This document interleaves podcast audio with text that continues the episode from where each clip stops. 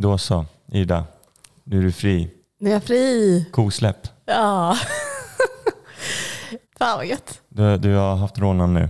Ja, nu har jag äntligen haft det. Jag ska bara spela upp en liten låt.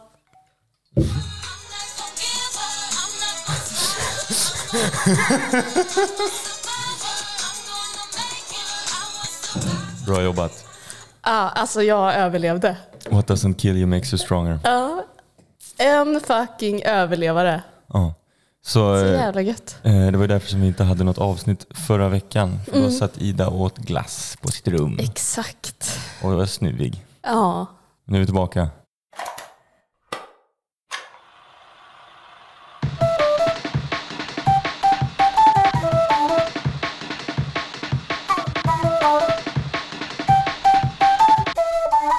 Det här är Joel och Ida gräver en grop. Podden där vi översimplifierar komplicerade problem och kommer fram till knasiga och eh, kränkande slutsatser. Med dig, pseudoakademikern Ida Lingegård. Hej på dig! Hej hej. Och mig sedan avsnitt tvås ölexperiment känt som Joel. Hur mår du egentligen, Manela? Ja, exakt. Vi tänkte sitta ner och prata lite. Häng med. Vad har du tänkt på under de här eh, coronaveckorna? Alltså jag har ju då haft corona, varit i karantän, Mm. överlevare. Så har jag tänkt på vad, man ska ha för, eh, vad jag ska ha för narrativ kring detta. Just det. Att jag varit med om den här eh, sjuka grejen. Mm. Ge lite fyllig backstory. Ja, precis. Vad, liksom, vad sätter det här mig i för någon slags eh, berättelse att jag varit med om detta? Och, och jag kände instinktivt att jag kände mig som en riktig jävla vinnare. Alltså. Ja, ja, eh, en överlevare. just det. Eh, Ja. Ja, det, det är inte alla, det är väl bara 99,8 procent och sånt. Ja, men precis. Just det. Ja, men det kändes, eh, när jag tänkte lite på det kändes det lite svagt. Alltså, det finns en sån teori om det ideala offret. Mm. Har du hört om det? Ja, eller i kontexten våldtäkt tror jag. Eh, Ja, exakt. Eller egentligen så i kontexten att vara utsatt för brott brukar man prata om det. Mm. Kriminologi och så. Att eh, det finns liksom en allmän bild om hur ett idealt offer är. Mm.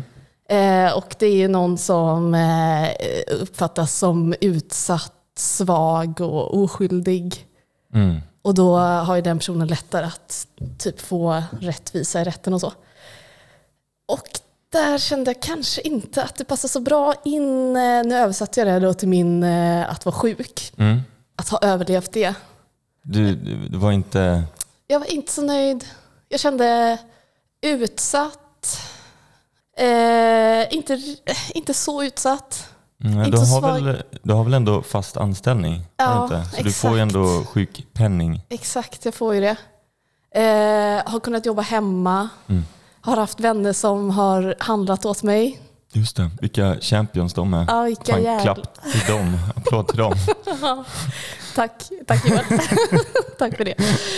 Eh, och sen så där med liksom fri från skuld, det är sånt eh, extremt pressat klimat nu i samhället. Mm. Där man eh, skriker åt alla som eh, går ut. Och så känner jag att jag kanske inte har varit den bästa på att eh, begränsa mina kontakter och så. Aj då, trots att du har corona. Berätta. Men jag har mina improgrupper som jag träffar folk. Men inte under tiden du var sjuk, eller? Nej, nej, nej, nej, nej. jag Aha. menar innan. Ah, okej. Ja, då, då är jag med på noterna. Ja, utan mer bara, jag har jag varit en sån fri från skuld-person? Mhm. Alltså blir jag drabbad utan att ha någon skuld i det hela? Just det. Och eh, utifrån eh, vårt pressade, som jag tolkar det, debattklimat kring eh, att för att vara helt fri från skuld så ska man bara suttit hemma. Mm.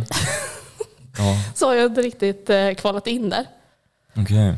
Eh, och inte speciellt svag heller. Alltså jag hade ju en väldigt lätt eh, variant av corona. Jag hade ju lite ont i huvudet eh, från och till. och lite konstig värk i kroppen. Det känns lite som träningsvärk kanske, eller man har överansträngt sig lite. Okej. Mm. Det kan inte bara vara att du har suttit med ångest. Nej men alltså jag har ju gjort ett test Just det. som visade positivt svar. Då. Ah, okej. För övrigt mitt tionde tionde test. Tionde gången gillt. Det är pinsamt alltså.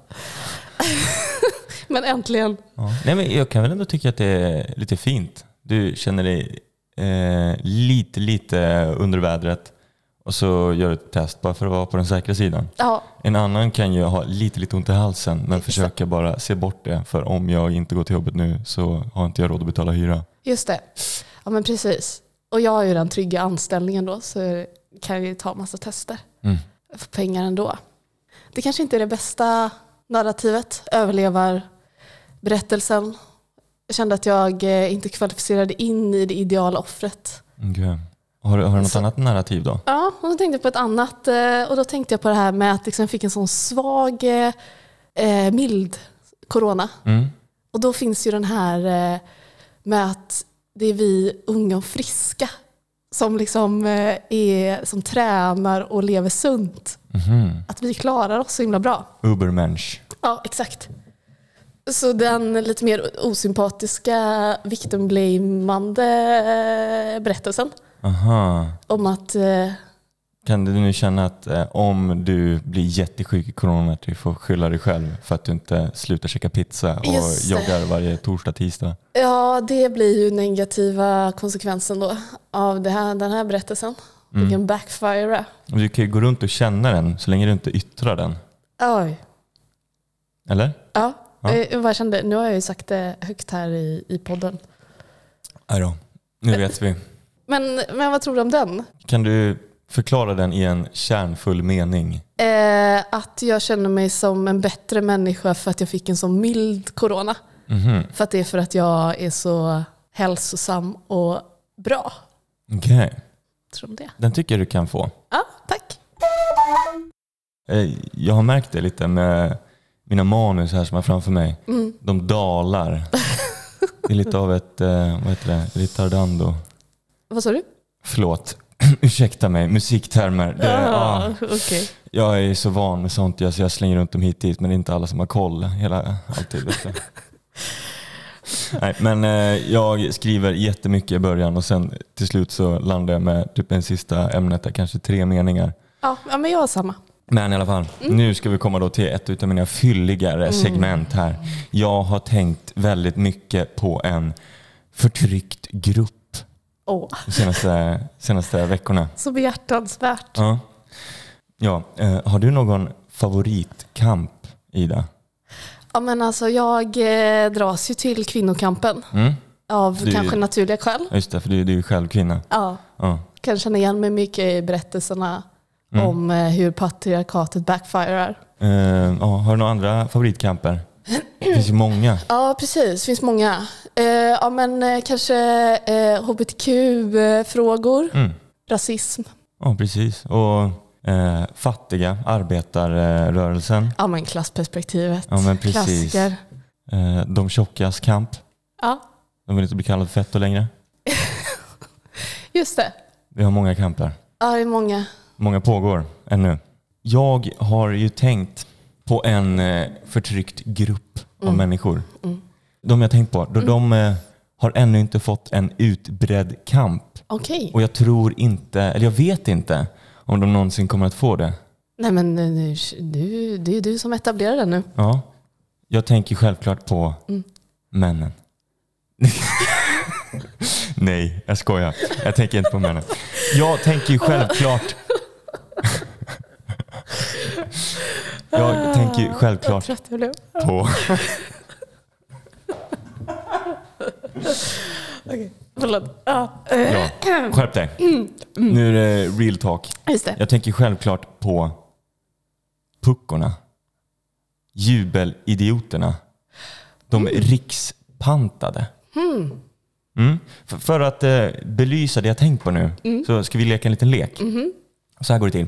Vi låtsas att jag eh, jobbar på ett jobb där jag har en kollega som jag stör mig på. Du jobbar inte på det här jobbet så du vet inte vem det är. Nej, Och nu ska jag helt enkelt ventilera och snacka skit om den här personen. just det.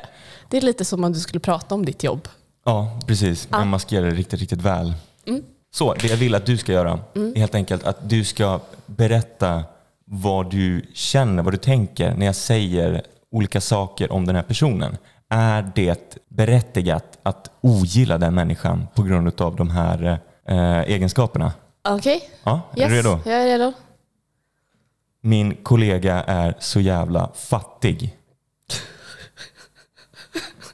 Vad känner du då? Ja, nej, då känner jag så här, eh, nej, Det, det är inte ett skäl att hata någon. nej. Det känns oskönt i alla fall. Exakt. Mm. Min kollega är så jävla tjock. Nej, inte heller så bra. Nej. Nej, det, det, det är ju snarare att man tänker att jag är en sämre människa. Ja, precis. Om jag Man blir snarare- snackar så om kollegan. Ja, precis. Ja. Mm. Eh, Jag fortsätter. Min kollega är så jävla bögig. Ja, nej, den är ju också Ja. Det mest inte. faller på dig Ja, precis. Ja. Ja. Min kollega är en sån jävla jude. Ja, nej. Nej, exakt. Och Ja. slutligen. Mm. Min kollega är så jävla korkad. Mm. Mm.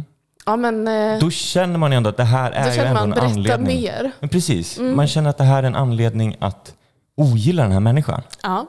Eh, Jag funderar lite på vad det är. För, för de exemplen som jag radat upp, fattig, tjock, bögig, jude. Det är ju grupper som eh, kanske innan har varit, an, det har varit nog för att ogilla dem. Men de har haft sin egen kamp. ja.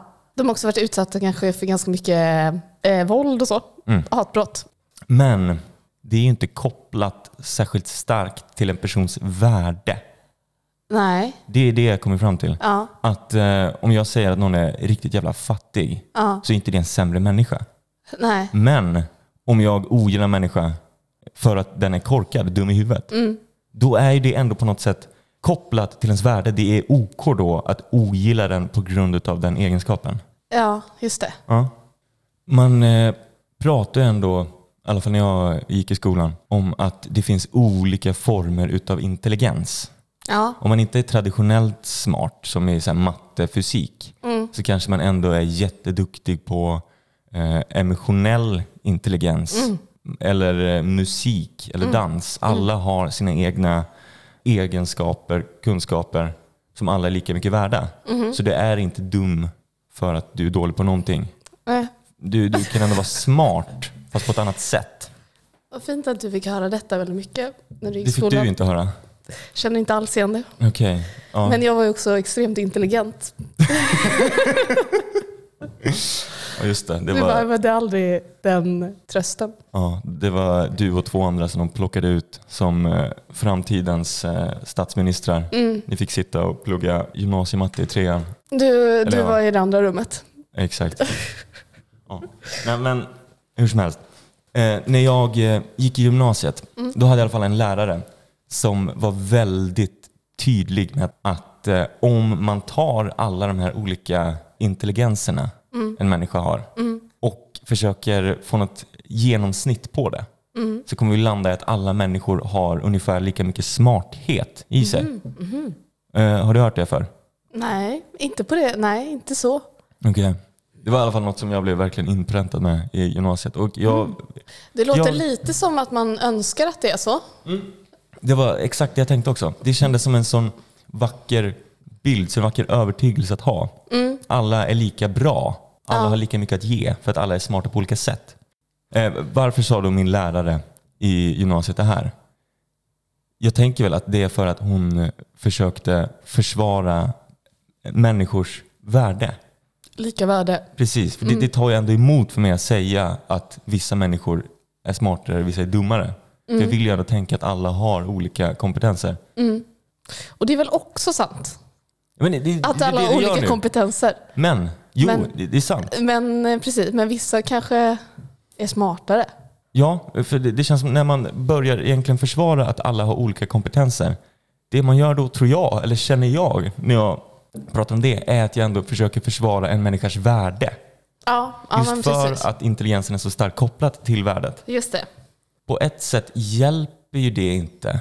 Nej, Eh, Nej snarare De befäster det kanske eh, bilden av att för att ha ett värde måste du vara kompetent. exakt. Mm. Så man försöker hitta på annan valuta i den marknaden. Till exempel föreställ dig någon influencer Mm. som kanske inte har jättesnyggt ansikte, en brud, men hon har jävligt god röv. Just det. Så då gör hon en rövkamp.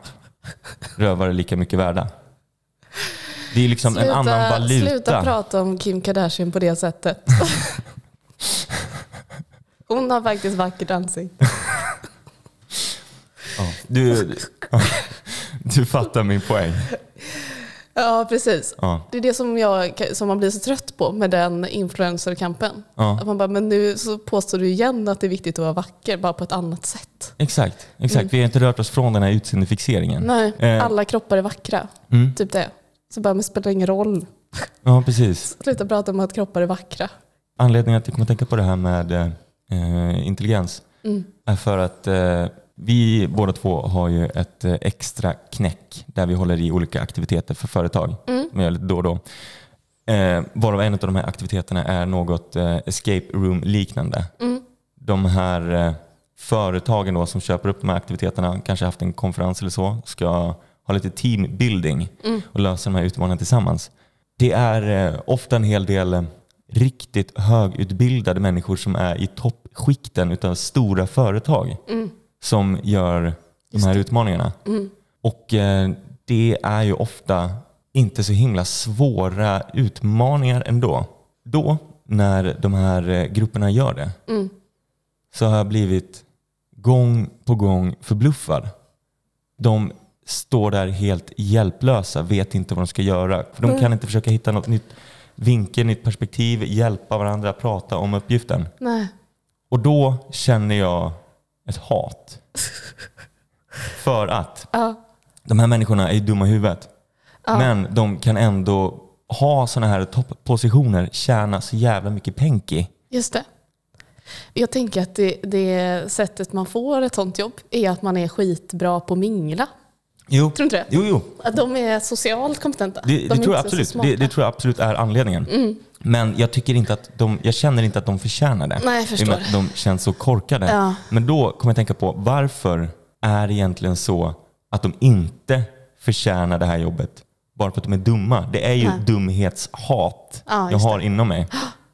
Och jag funderar nu på, kommer det någonsin bli en eh, de dummas kamp?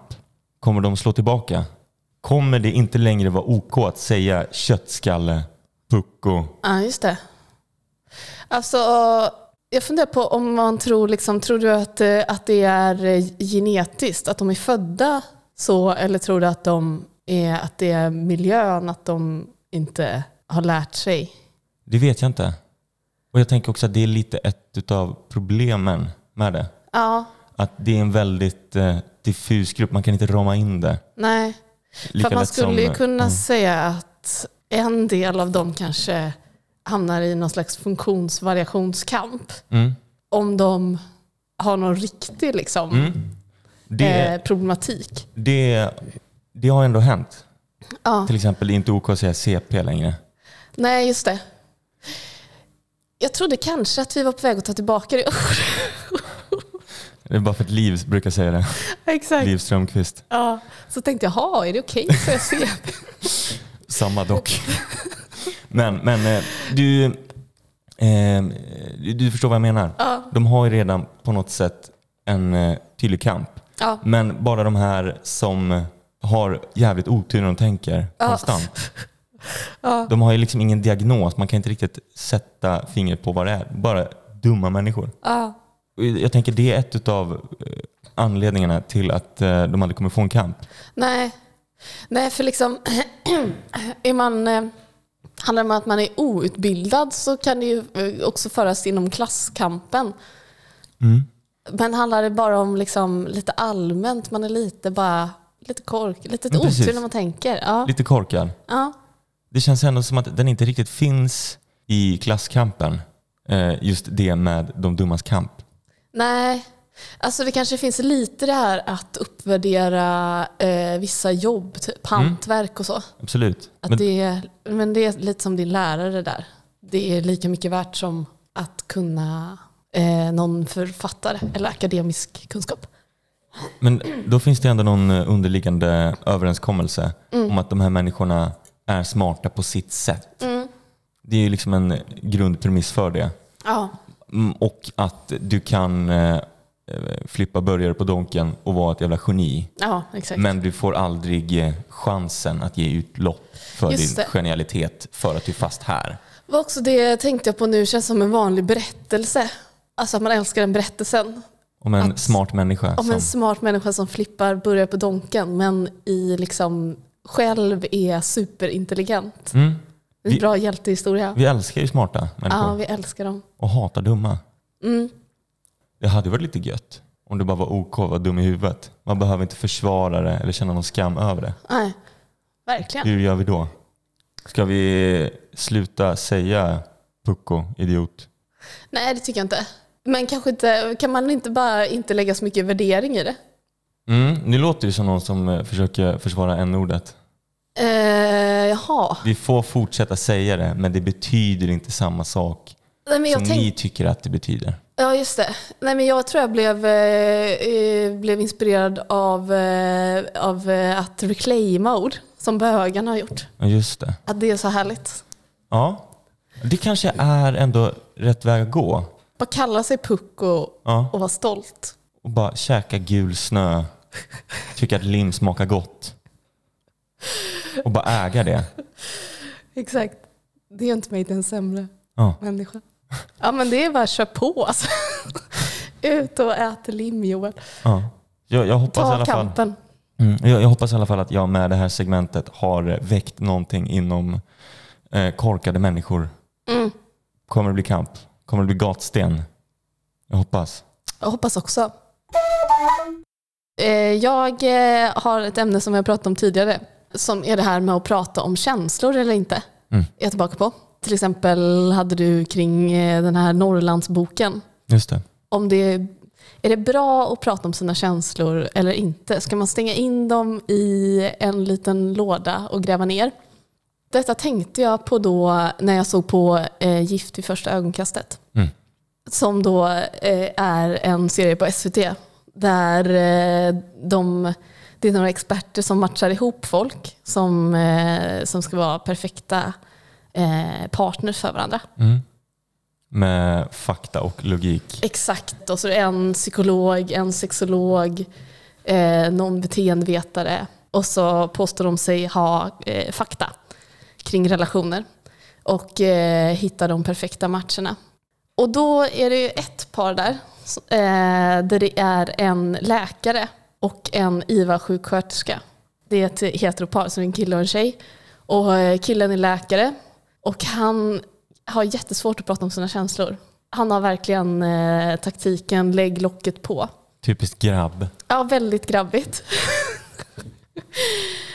och liksom, så tänkte jag på då, eh, hur, hur, eh, hur funkar det för honom? Den taktiken. Den funkar ju skitbra i det att han klarar livet jättebra. Mm. Alltså han är, är ju utbildad läkare. Han har ett bra jobb, han verkar ha liksom vänner, härligt, funger, välfungerande liv. Så på det sättet verkar taktiken funka superbra för honom. Mm. Sen då blir han ihopparad med den här IVA-sjuksköterskan som är en superhärlig eh, tjej. Som jag tycker jättemycket om. Hon pratar mycket om sina känslor och om, hon gillar också att prata om djupa ämnen och döden och sådär. Mm. Och han får ju panik, ser det ut som, varje gång. Det resulterar i att hon känner sig jätteensam i relationen. Hon känner att hon lämnar ut sig jättemycket. Mm. Och att hon inte får någonting tillbaka från honom. Och eh, det blir väldigt det blir svårt för dem i deras relation. De kan liksom inte mötas. Hon känner att hon liksom blottar sig och visar sig jättemycket och han ger ingenting. Det funkar det dåligt för honom med att inte prata om sina känslor. Eh, skapar det ett avstånd mellan dem. Mm. Det funkar bra för honom personligen om man bara går runt och dricker bärs, går ut med hunden. Ja, han är jätteduktig på att leva kan man säga. Eller Ja. på liksom funger- välfungerande i samhället. Men det funkar inte så bra om man ska ha en djup relation med en superhärlig IVA-sjuksköterska. Okej. Eh, Så slutsatsen blir då att, att det funkar ganska bra att inte prata om sina känslor. Mm. Så länge man inte vill ha en djup och eh, fin kärleksrelation med en jättehärlig IVA-sjuksköterska. Fan då. Segt. Ja, Är det inte bara då att eh, om man är han då, läkaren, Mm. man kan välja att eh, bli ihop med en snubbe, ja, Båda två har locket på hela tiden. Man kanske säger någon liten eh, trevlig kommentar Mm. på morgonkvisten och sen behöver man inte prata mycket mer. Ja, verkligen. Alltså det hade antagligen funkat jättebra om det hade varit en person som var likadan som honom. Ja. Då kan man ju hitta någon kanske då som är locket på också. Det finns, det, det finns väl ändå gott om locket på människor. Ja, men det borde, ja, det känns ju så. Kan inte bara Iva, sjuksköterskan, vara den som ändrar sig? Varför måste locket på-killen behöva prata om känslor? Kan inte hon bara sluta? Men hon är så här, alltså hon är så, alltså man tycker så mycket om henne. Men Man vill ju vara med henne. bara för att hon är mer värd som människa Ja. behöver inte det betyda att hon inte behöver vara den som ändrar på sig. Nej, man känner, jag, känner, man känner, jag känner så instinktivt att hon gör rätt. Ja. Jag vet inte varför. Det, det gör man väl eh, för att just nu i samhället så eh, har vi alla en övertygelse om att man ska prata om problem. Man ska inte lägga locket på för det är farligt. Mm. Det är väl därför ändå.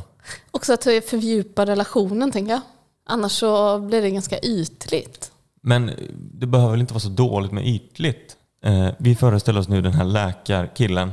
Han blir ihop med någon snubbe som också lägger locket på. Och de är ihop i 20 år. De pratar inte så mycket ändå. De Nej. kanske fiskar ihop, Just lagar det. någon god middag, går ut med någon hund. Hitta på massa grejer. Att liksom göra, inte prata så mycket utan mer bara aktiviteter. Så. Ja. Exakt, så som ändå män eh, brukar göra känns det som. Ja. Det känns väl skumt på något sätt då, om vi föreställer oss de här två, Mm. att mena att deras relation, även fast den kanske inte är så mycket på djupet, Mm. att den är sämre än någon annan relation. Snarare än att den är väldigt, väldigt fin för att det funkar. Och de kör på, de har sitt race. Så Men de här eh, experterna då är ju väldigt inne i, kanske i vår tid, så här, eh, öppna upp sig. De tänker ju verkligen att, att det är en bra match för att han behöver liksom eh, ja, öppna. kan inte bara den här Ivar-tjejen då bara lägga locket på? Ja, Testa någon gång, kolla vad som händer. För vi har ändå kommit överens mm. om att det kan ju föra med sig en del problem att prata om sina känslor. Jag tänker på det här exemplet från eh, Norrland, essäer och reportage. Mm. Eh, när på Tidaholm eh, berättar om en by Mm. med män som eh, gick till någon kurs där de skulle lära sig öppna upp sig. Mm. Efter den kursen så blev det tumult i byn ja. för att alla män gick runt och hade ångest och funderade över livet. De hade svårt att sova. De började fundera på om de faktiskt vill vara ihop med sin fru. De börjar konfrontera sina fäder. Mm. Det var jobbig stämning. Sen sakta men säkert så gick de här männen tillbaka till att lägga locket på. Mm. För att det funkar. Och sen lever de vidare så. Då, då, då har vi kommit fram till ändå att en människa som vill lägga locket på, om den ska börja öppna upp sig, det är ju jobbet för den. På samma sätt som jag gissar att en människa som öppnar upp sig, om den ska lägga locket på, det är jobbet för den. Mm. För att det kommer ju leda till, om hon skulle lägga locket på skulle hon ju antagligen känna att hon var missnöjd med relationen ganska mycket. Ja. Att de inte var nära och att det kändes eh, fejkat och sådär. Är det inte bättre då Mm. om bara alla som är öppna hittar en partner som är öppen? Jo, Alla det är en dålig på. match helt enkelt. Ja. Om vi då vill värdera att lägga locket på och prata om sina känslor som eh, lika mycket OK, Mm. Då har vi ju svaret här. Ja, precis. Det var en dålig matchning experterna. Kolla över er fakta. Exakt. Kom inte och släng vetenskap i ansiktet när ni inte kan sån grundläggande kunskap. Exakt, det tog oss 15 minuter att debunka er shit. Känner du igen den här känslan? Du eh, går på gymnasiet. Du har precis inlett din festarkarriär. Du och din kompis krökar, gör er snygga, går iväg till festen, träffar på alla där. Det är god stämning. Ni introducerar er. Helt plötsligt så bara får din kompis fnatt. Och är så jävla socialt kompetent. Och rolig, Åh, vad skön. Alla vill, un- alla vill veta allting om den här personen. Och du hamnar i hörnet. Du försöker flika in med någon rolig kommentar eller berätta något om dig själv. Men det är inget som liksom får fäste. Så du står där i hörnet och känner dig som den tråkigaste personen på hela festen. Ja, Den känslan. ja, jag, ja när du Ja. säger det så eh, jag tänker på eh, några tillfällen. Ja. Mm. Det, det var en så himla speciell känsla. Nästan som mjölksyra i hela kroppen känner jag. Det blev liksom tunnelseende. Det blev bara mörker. Man kunde inte riktigt uppfatta vad alla sa. Man blev så extremt medveten om vad det var man gjorde med händerna. ja, Den känslan. Ja, jag känner igen det. Mm. Framförallt eh, från eh, när jag var på fester med, liksom i andra grupper.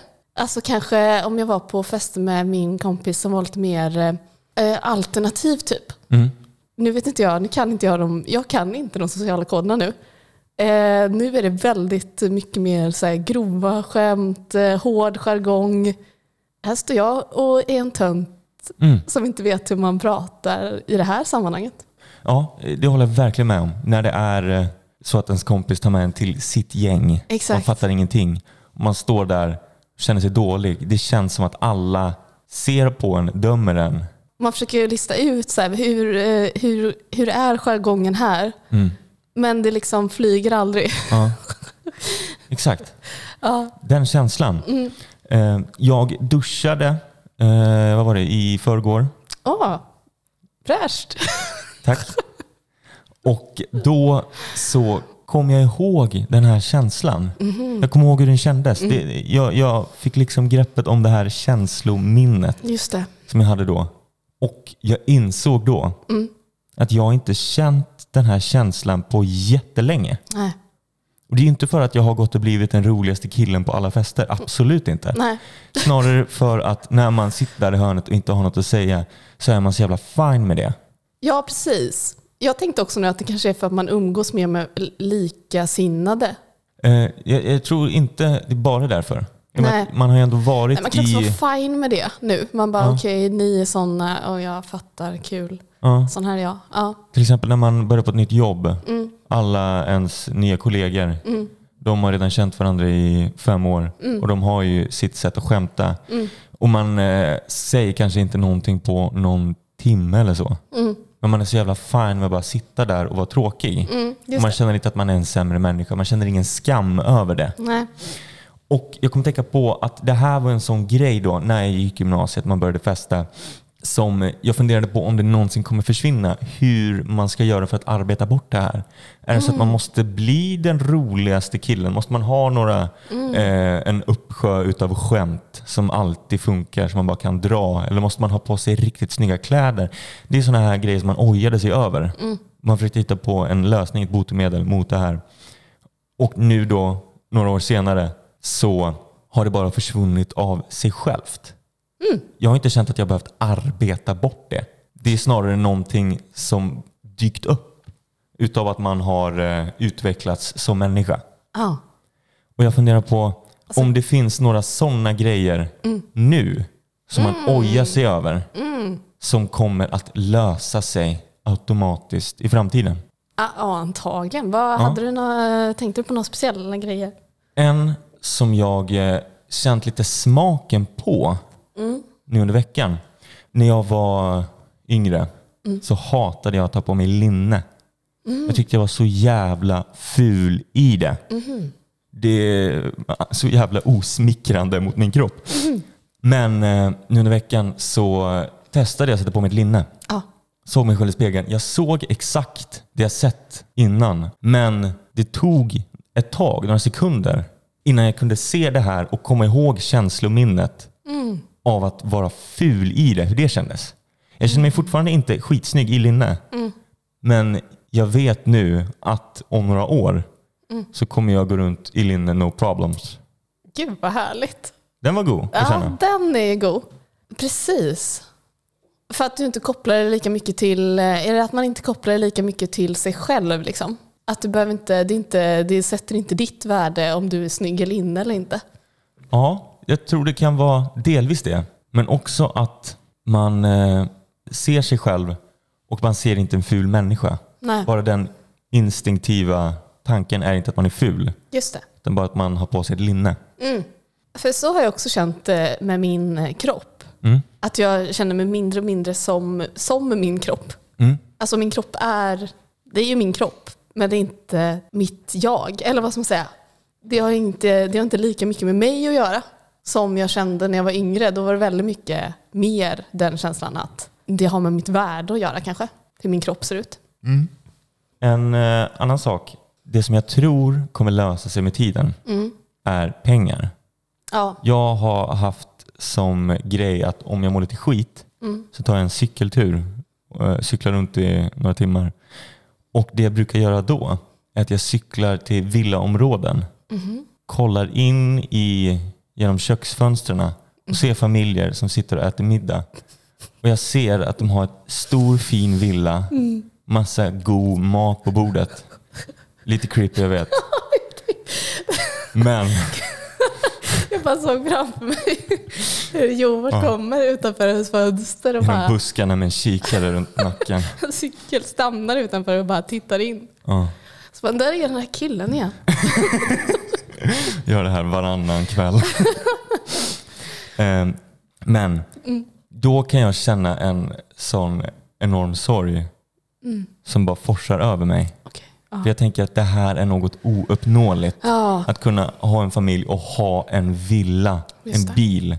Man har råd med allt det här. Det känns som ljusår bort från. Jag vet, inte, jag vet inte ens riktigt hur jag ska börja för Nej. att ha råd med ett hus. Just det. Men ett jobb som du har nu är en jättebra början ju. Jo, Ja. bra med jobb. Men det känns fortfarande som att eh, det här jobbet jag har, det är inte nyckeln. Även fast det kanske Nej. är det. Ja. Det känns som att det finns en, en hemlighet. Just det. Aktier. Kanske det. Jag, jag vet inte, men eh, det har jag tänkt på. Det kanske är, är så folk blir rika. Eh, Arv. Ja, det är ju det. Man måste vänta på att päronen dör så man kan köpa villa. Mm. Ja. Men det är i alla fall en sån sak som jag eh, ändå är övertygad om att eh, om 20 år så kommer jag drabbas utav det här känslominnet Just utav mig som cyklade runt i villaområden. Jag känner den sorgen, den känslan. Fast den här gången så sitter jag i mitt eget kök i en fin liten villa och känner att fan vad det bara löste sig. Förhoppningsvis.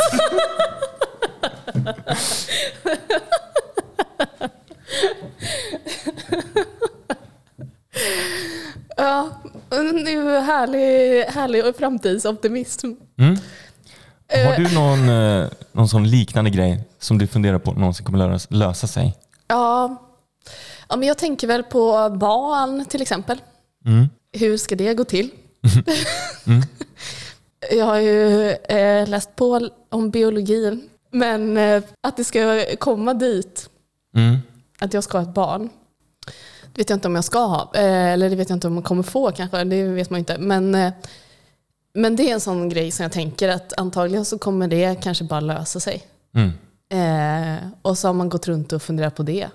Att förlora sin oskuld är en liten light-variant på det. Någon människa ska se på en och helt plötsligt bara godta en för den man är och vilja ligga med en. Hur ska man göra? Vilka nycklar måste man använda för att låsa upp det här hos en annan människa? Just det. Ja, precis. Och till slut så bara råkar det hända, man fattar ingenting. Exakt. Mm, Jag kan känna en grej mm, och det är jäkligt pretto. Men eh, man kan ju ofta känna att man har någon form av diffus storm utav energi inom en. mm, som man vill kunna kanalisera mm. i någon form. Vet du fan om det är spela en pjäs, skriva en bok, göra musik, någonting. Mm. Som man känner att man har inte nycklarna för att kunna göra det. Översätta den här energin till något verkligt. Mm. Det är en sak som jag tror kommer att lösa sig. Till exempel den här podden. Mm. Jag har inte alls tänkt på det här som ett sätt att eh, få ut tankar. Nej. Det är exakt det det är i typ dess renaste form, att bara prata om det. Ja. Så jag tänker om vi fortsätter med den här så kommer man till slut en dag inse att det har löst sig. Jag har inte behövt anstränga mig för det bara kommit utav bara farten. Ja. Men sen har jag också tänkt på det här, det finns ju grejer som pendlar fram och tillbaka. Mm. vissa saker är inte som att man får en insikt och sen har man det resten av livet. Nej. Som att man lär sig cykla och sen kan man det bara. Mm. Till exempel det här med dippar, må dåligt några månader. Mm. Igår så insåg jag att jag är ute ur min dipp. Mm. Det var, det var kul. Då insåg jag, Grattis! tack så mycket, tack så mycket. Gud vad härligt. Det var det Hur jag, insåg du det? eh, jo, jag eh, tänkte vaccinera mig mot TBE, den här eh, fästing Mm. tjosan hejsan. Så jag gick in på 1177 eh, för att kolla upp eh, vårdcentralen man kan göra det på. Och då kom jag ihåg hur jag några månader tidigare hade hållit på att trassla runt på 1177 och bett om remiss till psykologer och så vidare. Man hade blivit runt pingis-ad Mm. mellan olika ställen som inte ville ha en. Alla tyckte att oj oj oj det här ska vi ta tag i men inte just vi utan några andra. Sen till slut så orkade inte jag och bara sket i det. Tänkte att jag får ju helt enkelt lägga locket på, bita ihop, köra på. Se på fan, skiten funkar. Sen är det ju så här att det här är inte första gången som jag kommit ur en dipp. Nej. Och det här var inte min första dipp heller. Det är så speciellt med just att bara inte se något värde i någonting i några månader. Ja. För när man gör det, då känns det verkligen som att man har insett hur världen faktiskt är. Just det. Man har blivit blackpilled, som det så fint kallas. Och så känns det som att det alltid kommer vara så också. Exakt. Precis som i, ja, Blackpill kommer från det här Matrix. Ja. Eh, och det är en liten offshoot på det. När man väl sett sanningen som Neo då gör i Matrix Mm. så kan man inte ose det. Mm. Sen är det ju så då att eh, när det gått kanske ett halvår så släpper det ju obemärkt. Mm. För det var ju först igår som jag insåg att jag ändå mått bra några veckor. Mm. Och jag känner att det här kommer ändå hålla i sig för jag har ingen anledning att oroa mig framöver nu. Och det som är sugigt också att man vet ju att det här var inte heller den sista dippen jag någonsin kommer ha. Nej. Det kommer kanske ta något år. Sen är man tillbaka och så helt plötsligt inser man att de senaste fyra veckorna har jag bara gått runt och mått skit och haft ångest hela dagarna. Mm. Ja, så kan det ju vara. Så det finns ju... Men kanske att du kan någon gång ko- kolla tillbaka och känna att, eh, att du kan hantera det på ett annat sätt. Ja, Eventuellt. det är ju ändå sant. För det har jag ändå blivit bättre på känner jag. Den här dippen versus den förra dippen. Mm. Det, det var ju i gymnasiet. Man verkligen kände att eh, man inte visste hur fan man skulle bära sig åt och inget var värt någonting. Eh, nu kunde man ändå känna igen den här känslan. Man vet att man har känt den innan och att man har haft en period när man mått ganska bra mellan. Just det.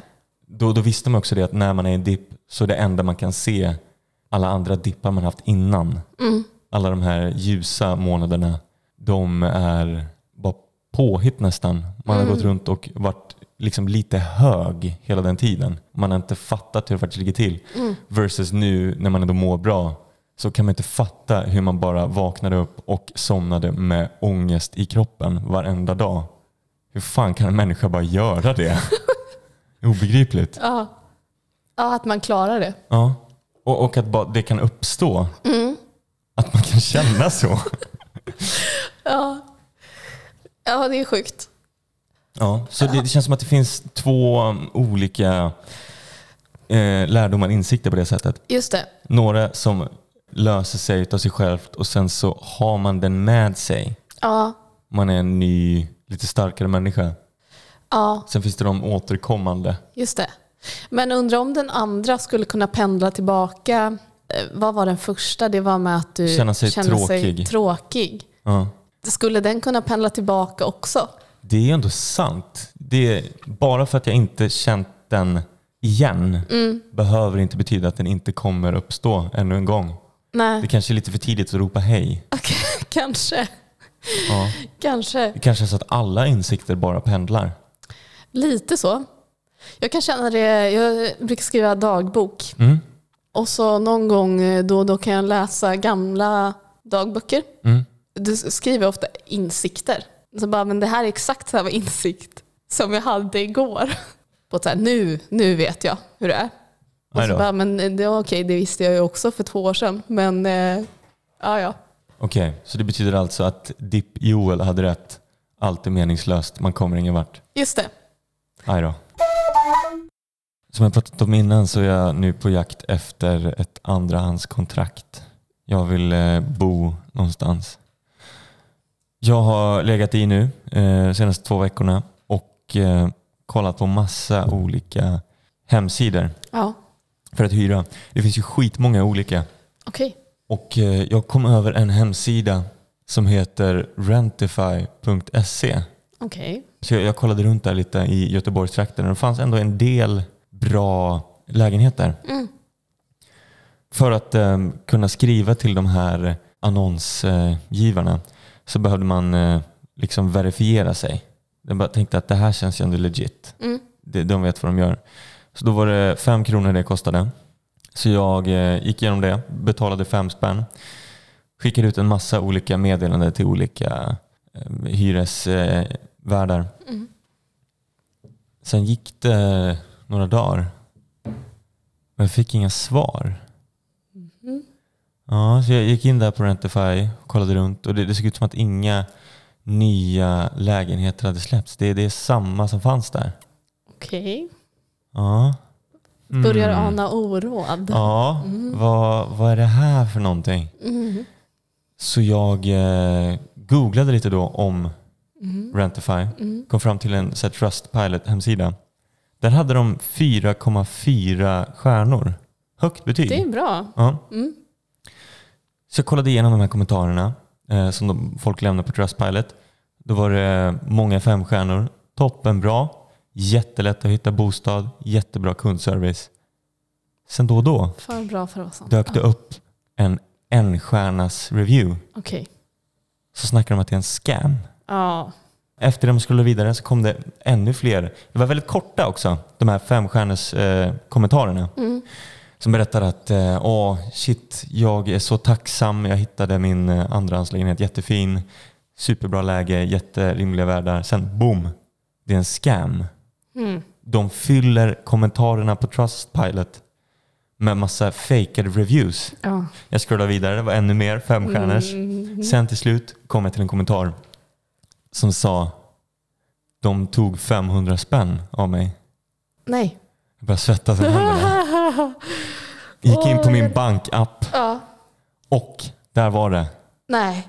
Två dagar efter den här femkronors verifikationen Ja. Så hade de dragit 500 spänn från mitt konto. Nej. Jag gick in då på hemsidan och kollade. Ja. Alla de här eh, grejerna som man bara klickar förbi Mm. när man går med på köp. Jaha. Och då fanns det där i det finstilta. Nej. Om du verifierar dig så kommer det bli en månadskostnad på 500 kronor. För den här hemsidan som bara har fejklägenheter. Fan. Ja, gud. Jag fick sån jävla stress Ja. jag såg det här. Ja. Så jag, jag försökte hitta den här avsluta prenumeration-knappen. Mm. Så jag gick in dit till den eh, sektionen på hemsidan. Mm. Det fanns det ingenting. Nej. Man kunde inte stänga av sin verifikation. Jag fick panik. Jag tänkte jag skickar ett mail till dem, bara Ja. testar. Ja. Så jag skrev, hej jag vill avsluta min prenumeration. Det finns inget sätt på er hemsida att avsluta det. Mm. Hur gör jag? Fick direkt ett autogenererat svar där de sa, vi har avslutat din prenumeration nu. Och jag är så fundersam. Jag har inte gett någon info om mitt konto. Det Jag, jag har svårt inte att tro. Jo, alltså jag skickade igenom min mail. Jo men du måste ju, för att betala har du skrivit i dina, ditt kort eller något. Jo, jag använder Ja. mitt kort för att betala. Ja. Ja, jag har blivit scammad. Fan alltså. Det är så jävla typiskt. Och man har insett det nu när jag kollar runt på massa andra sådana här hyresvärldshemsidor. Mm. Till exempel Bostadsportal. Ja. Ser också sjukt legit ut. Ja. Men man måste betala 250 kronor i månaden för att kunna skicka iväg annonser. De är i alla fall upfront med det. Man måste betala det. Ja, just det. Och så kollade jag upp lite reviews om den hemsidan. Mm. Samma sak där. Det är bara scams. De skickar vidare en till Blocket annonser och Mm. på boplats. De har ju inga lägenheter de själva. Nej. Jag är så Gud. arg och samtidigt imponerad på de här ställena. De har blivit Ja. så jävla duktiga scammersarna. Ja jävlar alltså. Så mycket att orka skriva, eller det är ju klart, de tjänar väl mycket pengar på det. Men Ja. så många reviews och sådär. Verkligen. Duktigt. Ja. Och eh, då, då har jag insett en grej. Mm. Jag har alltid tänkt att sådana här scams, Mm. det är bara sånt som gamla gubbar och gömmer går på. Ja, Med nigerianska prinsarna Just som det. man ska skicka pengar och så skickar de en eh, säck med guld till dem. De här scammersarna, de kommer ju bara bli duktigare och duktigare. ja, Till slut så kommer man inte fatta vad fan som är boplats Nej. och vad som är exakt. eh, fake boplats. Just det. Det kommer betyda då Ja. att i framtiden, Mm. om du letar ett andrahandskontrakt och du hittar en hyresvärd som inte riktigt kan svenska, då Mm. vet du att det är legit. Från att vara att eh, varningsflaggor går om det är så att någon inte riktigt eh, svarar på ens fråga Mm. eller inte riktigt kan språket, då vet man att det här ska man vara varsam med. Mm. Men nu när jag skickar ut massa förfrågningar till olika hyresvärdar och jag får tillbaka något knackligt svenskt svar, Mm. då vet jag att här har vi en rekorderlig Mm. herre. Det här är på riktigt. Ja, för en scam. Ingen scammer är så Precis. Ja. Ja, fan vad sjukt.